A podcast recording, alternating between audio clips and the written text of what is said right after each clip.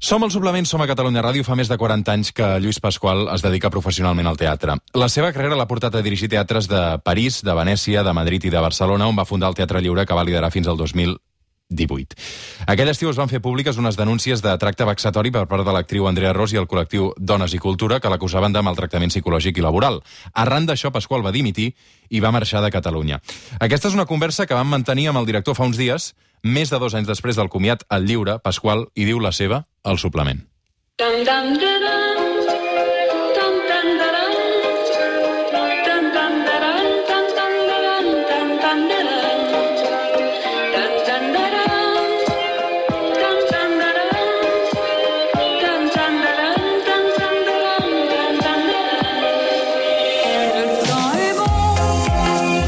Pasqual, bon dia i bona hora. Bon dia. Què tal, com estàs? Bé en fase 2. Et puc tractar de tu? Sí, i tant. Molt bé. Um, he estat llegint que no t'agrada gaire parlar de tu mateix, Lluís. No, perquè no crec que sigui un tema massa interessant. Hi ha molts temes molt més interessants que jo mateix. Ah. Ets, ets introvertit? Soc tímid. Eh, dit així, suposo que no s'ho creuria ningú. Però, però sí, no, no, no, m'agrada més escoltar. Més que no parlar de mi, el que m'agrada més és escoltar. És que és una que forma part de- d'una manera de ser i també del meu ofici. El meu ofici, el, el, segurament el més important és saber escoltar. Mm. I llavors m'agrada més, m'agrada més quan parla un altre. Molta gent del món del teatre, no?, um, té aquest punt de timidesa que precisament el combat pujant a l'escenari. tot, jo crec que la gent de teatre d'alguna manera estem tots malalts uh, tots ens, ens és a dir, tots quan comencem a fer teatre en realitat volem ser actors. Un es dedica al teatre perquè vol ser actor. Després mm, les coses van canviant i en el meu cas doncs, em trobava molt, més bé, molt millor a l'ombra que al lloc on, on, on els focus t'il·luminen. Però eh, si, si fóssim una calaixera segur que hi ha un calaix que està buit que hem d'omplir d'alguna manera. Eh, i aquesta manera és exhibir-se eh, davant dels altres, exhibir-se durant una estona. Hi ha molts, hi ha molts actors que, que, que, que s'exhibeixen, eh, exhibeixen, entenem-nos, és a dir, que s'ensenyen, que, es, que, es, que, es, que es despullen eh, davant, un escenari i que després els vas al trobar al, al camerino i són enormement tímids, que el, que el que són capaços de fer l'escenari no serien mai capaços de fer-ho a la vida. Ho has passat malament aquests últims mesos amb la pandèmia i tot això? Què fa un director de teatre tancat a casa quan tanquen els teatres i li prohibeixen anar a les sales?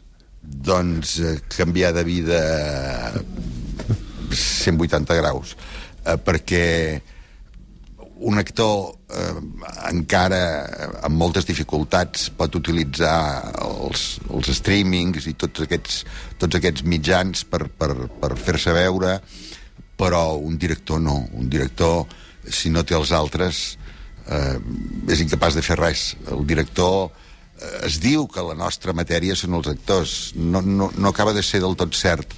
La nostra matèria és l'energia.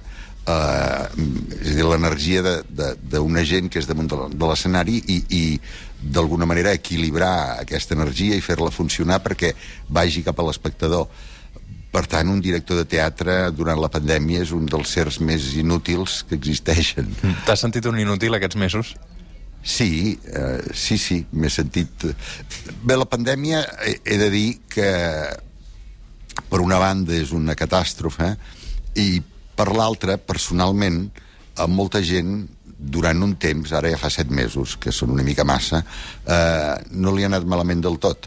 És a dir, que tens temps de, de pensar en el que has fet, en com ho has fet, en com està el món, en quin, en quin teatre es, es necessita ara eh, a partir de, de, de, de l'opinió d'un mateix tens temps de llegir coses que no havies llegit tens temps de mirar sèries que no... és una cosa que jo no feia mai per exemple eh, sí, tens temps de pensar però el temps eh, et sobra jo m'he dedicat molt a cuinar, per exemple. Què dius ara? cosa- Sí, a mi m'agrada molt cuinar i m'he perfeccionat gràcies al, al, a la generositat de molts xefs, de, no sé, de, de la, des de la Carme a Ruscalleda fins a, a molts altres, fins a l'Elvira Sategui, han, han posat moltes receptes al, a YouTube i aleshores m'ha servit per, per, per perfeccionar. Ara, per exemple, tallo, hi ha uns tutorials per tallar les verdures A tota velocitat. que m'han anat molt bé a tota velocitat i això ho he après.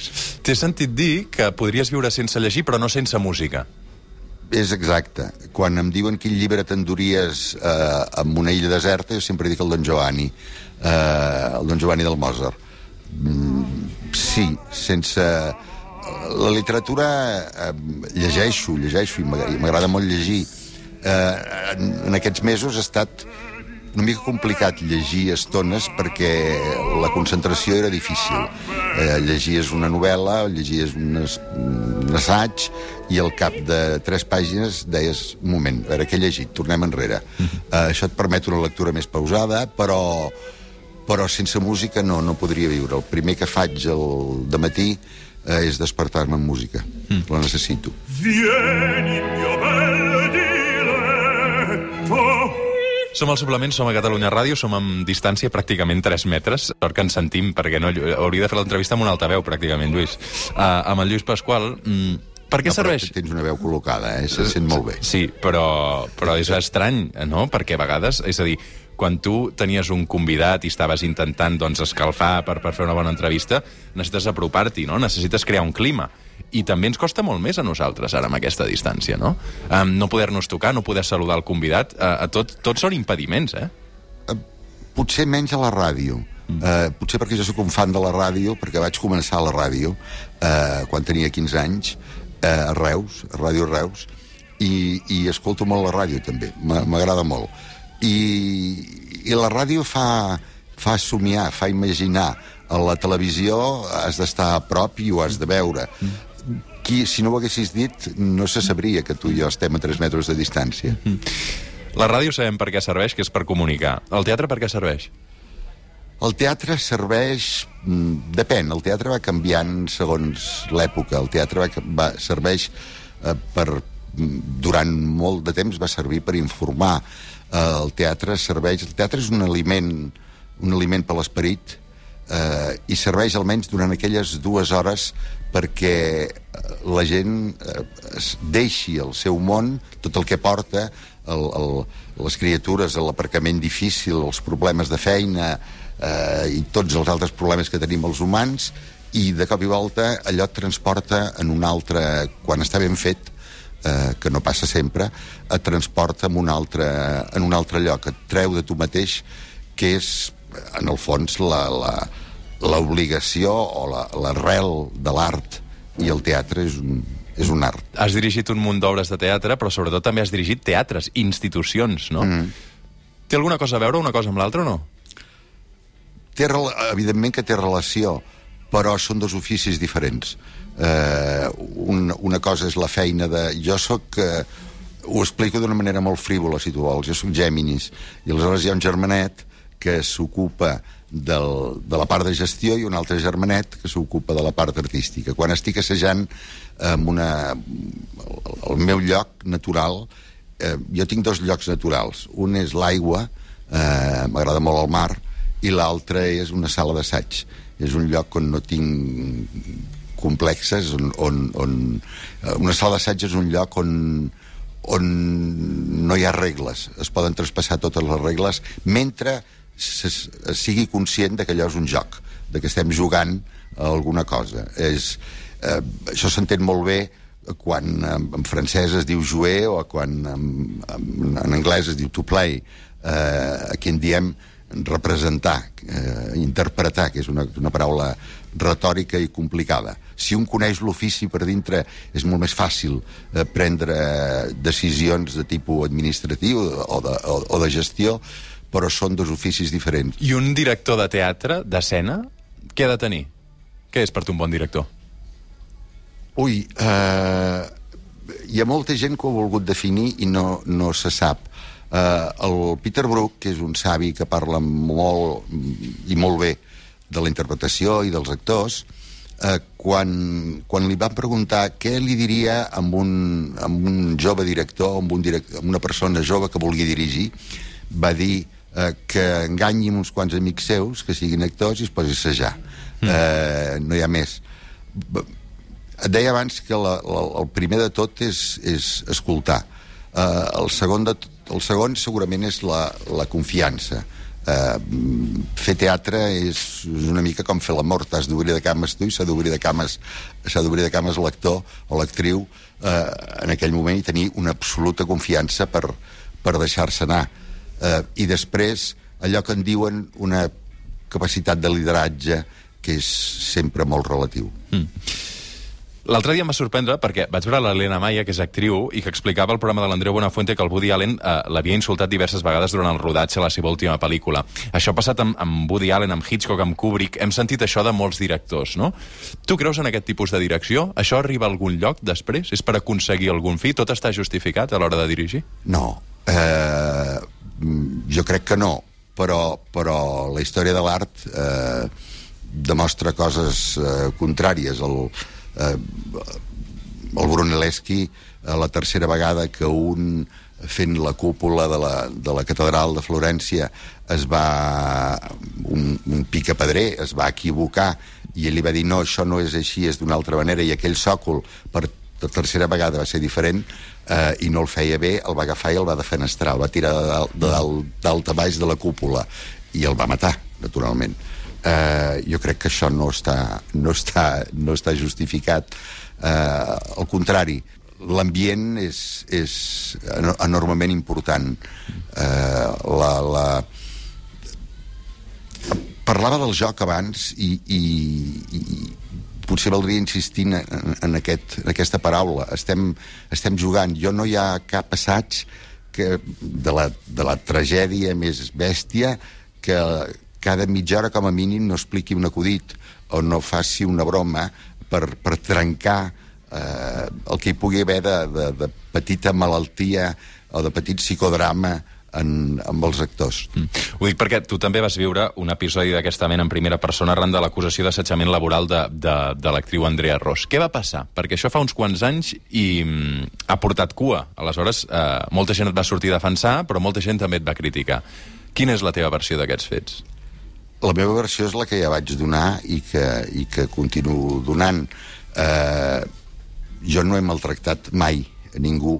El, el, el cert és que després van sortir més de 800 persones, actors, eh, personal tècnic de tots els teatres del món on jo he treballat i que van afirmar el contrari.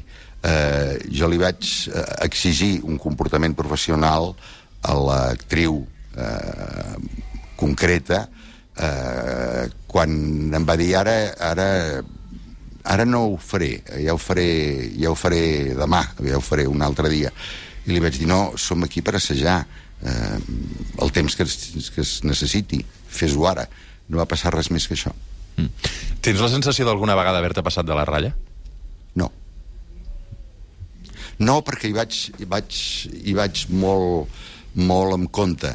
Hi vaig molt en compte perquè ferir la sensibilitat... Eh, és possible que l'hagi ferit sense donar-me'n, eh? però ferir la sensibilitat d'algú eh, porta l'assaig cap a una altra banda. I això no és el que m'interessa quan, quan baixo a la sala d'assaig. Per què vas dimitir del lliure? perquè eh, al lliure s'estaven s'estaven produint dues tendències que es, que es creuaven. Una, diguéssim, una, una tendència de, funcionar, de funcionariat i una, tenden i, i una altra que, que era més reflexa de l'esperit del lliure, que és un reflexe més artesà i més col·lectiu. Eh, jo sempre que he arribat a un teatre i he, he dirigit institucions grosses, he intentat que no es colés el, el funcionariat. En el moment en què un col·laborador artístic, i, com, i per col·laborador artístic entenc des de la taquillera fins al tècnic, es converteixen en funcionaris, el teatre s'ha mort. Eh, I jo tenia una part del personal en contra justament per aquest motiu. I com, i com que mm, dirigir un vaixell on, on hi ha una part de la tripulació eh, que tens en contra no té cap mena de sentit, eh, per això me'n vaig anar. Ets un liberal. No ho sé. Un liberal que, en quin No, sentit? Perquè en- és que en- aquesta paraula els darrers mesos es fa servir de tantes maneres que... En, que... en el sentit de que tot el tema funcionariat eh, no et va. No, eh, no, no en va en un teatre. Eh, un, un teatre està fet per, per, per, per produir eh, un, produc, producte, que és una paraula que tampoc m'agrada, però també es fa servir molt, que és un, un diguem-ne, producte artístic. I això no es pot fer ni amb horari de funcionari ni amb actitud de funcionari. Vas plegar del lliure i vas marxar també de Catalunya, en un moment molt concret políticament, no? Sí, Uh... Estaves fart? sí, De Catalunya, dels polítics, de, de la política catalana... N'estava, no de Catalunya, no n'estava fart, perquè Catalunya, eh, a Catalunya hi vaig, a Catalunya hi tinc, hi tinc la meva família, hi vaig tenir la meva mare fins fa pocs mesos que va morir, eh, hi tinc amics, eh, i per tant hi vaig... Eh, no, estava fart de la política catalana, sí. Mm. I com que eh, en un teatre, eh, sobretot els darrers anys, s'hi cola, vulgues o no, la política, doncs eh, no. Creus que l'independentisme et va fer fora de la institució? Jo crec que es van barrejar moltes coses. Uh, en el moment en què, en què es va produir això, es, es va produir aquest, aquest accident, diguéssim, es va polititzar. Uh, es va polititzar com es polititza, com es polititza tot i eh, es van barrejar es va barrejar l'independentisme va, va barrejar el, el, per mi el fals feminisme eh, i tot alhora va fer una bola que, que ocupava més temps que no pas la, de, la dedicació artística. T'havies de dedicar més temps a combatre o a defensar o a dir o a explicar eh, coses que no tenen res a veure amb el teatre. I això mm, a la meva edat ja no m'interessa. No m'ha interessat mai però ara menys. Què és el fals feminisme? el fals feminisme és el, és el que utilitza el feminisme eh, per eh, imposar unes idees. Eh, això seria el fals feminisme o el fals, molta, i el fals moltes coses. El, les feministes que em van acusar es, es va demostrar després que no existien. És a dir, les 300 o 400 eh, persones que signaven un, un document resulta que no existien, que només eren tres. Eh, no ho vaig dir eh, ho va dir la, la Montserrat Barderi, la Montse Barderi, en un article a l'Avui. No, no vaig ser jo que ho vaig dir. Eh, això em sembla que és, que és mm, que no està bé, que és lleugerament immoral. Tu ets feminista? Sí, però jo sóc feminista perquè... Eh, no perquè jo m'ho hagi proposat, sinó perquè no podia ser d'altra manera. Primera, perquè la meva mare, sense saber-ho, ho era enormement. És a dir, eh, si la meva germana es feia el llit, jo també me'l feia. Eh, Si algú desparava la taula, eh, era jo o també era el meu pare. Eh, no, no hi havia no hi havia masclisme a casa meva. Eh, no n'hi havia... Potser perquè era un matriarcat, també. Eh? La meva mare tenia més, més potència, eh, diguéssim, que el meu pare. I després, si, se, si alguna idea podia tenir equivocada, com que vaig ser molt amic i vaig viure molt, i vaig viure fins i tot a casa seva unes setmanes o uns mesos eh, de la Maria Aurelia Campany, qualsevol defecte que jo pogués tenir per respecte a això, amb la Maria Aurelia me va curar.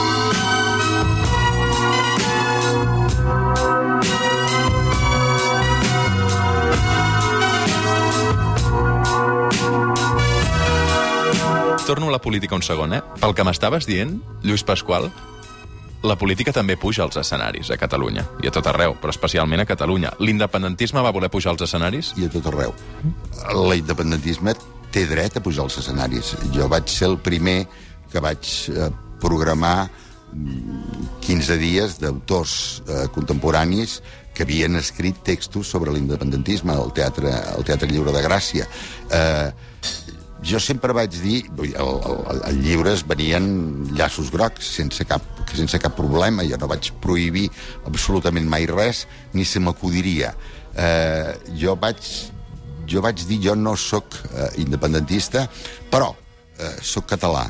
eh, si el, el poble de Catalunya decideix eh, democràticament, amb una votació, que el, el color que ha de governar és aquest, jo l'acceptaré, perquè, perquè sí, perquè, perquè som que també una paraula molt desgastada, és que s'han desgastat moltes paraules els darrers mesos més, però em sembla que sóc demòcrata. I Catalunya té dret a decidir? Jo crec que sí. Amb un referèndum. Sí, Acordat. acordat, sí. Però aquest és un escenari impossible. Per què és impossible? Perquè qui ha de moure fitxa ara mateix és l'estat espanyol. Doncs se'ls ha d'obligar que la moguin. Uh, Suïssa és un país on es fan referèndums uh, cada 15 dies i per, i per qualsevol cosa. I a mi em sembla esplèndid. Uh, I un referèndum ha de ser possible, per què no? Tu que ets una persona que no ets independentista, veus aquest govern espanyol eh, comandat pel PSOE i pel, per Podem eh, disposat a fer un pas eh, tan important com, com aquest? Eh, tu creus que Espanya permetrà mai un referèndum a Catalunya? No ho sé. Eh, M'hauria de posar la seva pell i no tinc ganes ni, ni, ni, ni m'agrada posar la seva pell. Eh, per, per matitzar una mica més et diria que jo potser, eh, fins i tot, podria arribar a ser independentista. Perquè també ho vaig dir des del començament. Eh, jo podria acompanyar el camí cap a la independència. Amb aquests, no. Eh, amb aquests, no. És a dir, amb el Jordi Pujol i els seus successors, no. És a dir, amb aquests polítics, Amb no? aquests polítics, no. Amb Puigdemont, amb Junqueras... No, no. Uh, no, jo, jo, jo, mai, jo sempre he estat uh, no públicament o sí públicament, ja no me'n recordo uh, anticonvergent no sé per què m'hauria de transformar eh, ara en, en convergent o en addicte dels successors de Convergència Democràtica o com es digués Però la independència va més enllà d'unes sigles, no? la independència va més enllà d'unes sigles, però les porten aquests. Mm. Uh, això no és... És com, és com si em diguessis el teatre va més enllà de mm. la gent que el fa, però no és així. La I gent amb que el fa fa el teatre. I amb quin polític t'emmiralles? En cap. En aquests moments, en cap. No cal que sigui català, eh? Pot No, ser no, de... no, no. En cap. Em fan una profunda angúnia en aquests moments. Però sense política no hi ha vida. Sí, home, que Ah, hi ha sí? vida. Sí, ens l'hem d'inventar. uh, ens l'hem d'inventar i, i evidentment que la política forma part. Qualsevol acte que fem... Aquesta entrevista és una entrevista... Política. És un acte política, també. Un acte polític. Qualsevol acte que fem al cap del dia és un acte polític. Però eh, hi ha polítics i polítics. Eh, si vols, te'n te citaré un per dir-te... Eh, o te'n citaré dos, va, per, de, de, de dos països diferents, que jo he tractat. Els que no he tractat no, no ho sé, perquè els polítics són imatge, sobretot, i darrerament pràcticament només imatge. Eh, doncs el Javier Solana i el Jacques Lang, per exemple. Són dues persones amb les quals he treballat, amb les quals he tingut i continuo tenint eh, una amistat i una relació, i són dues persones d'una un, gran alçada política.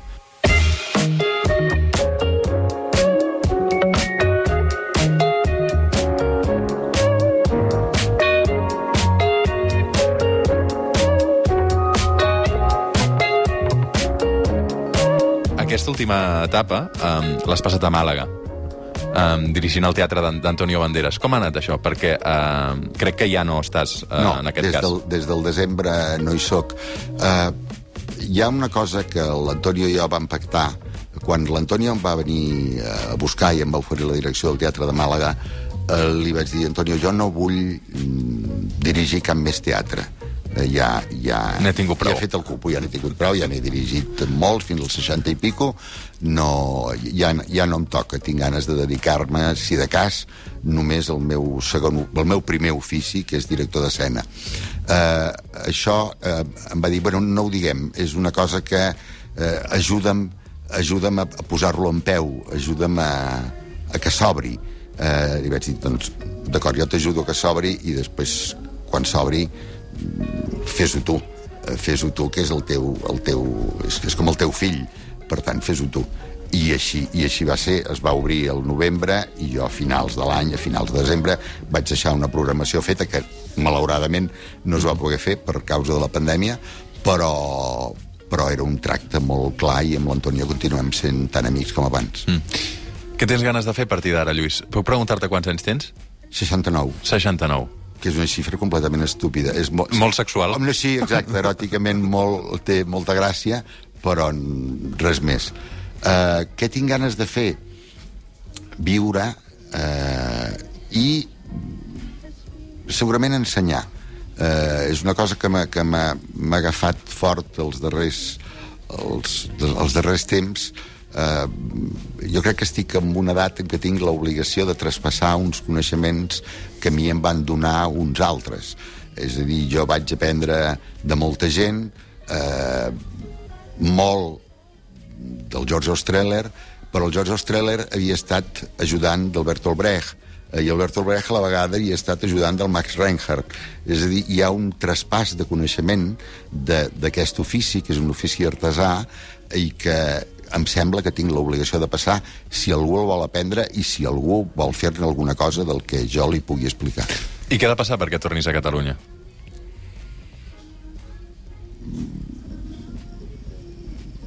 és, jo me'n vaig anar de Barcelona l'any 83. Uh, des de l'any 83 fins que no vaig tornar a Barcelona el 2000 el 2011 em sembla que vaig ser uh, he viscut a París he viscut a Milà he viscut a Venècia repeteixo, jo torno a Catalunya però els llibres, eh, ara en aquests moments els llibres i els mitjons els tinc a Madrid. No sóc nostàlgic, la gent de teatre no podem ser nostàlgics. Lluís Pasqual, moltes, moltes gràcies. Gràcies a vosaltres. Catalunya Ràdio. El suplement. Roger Escapa.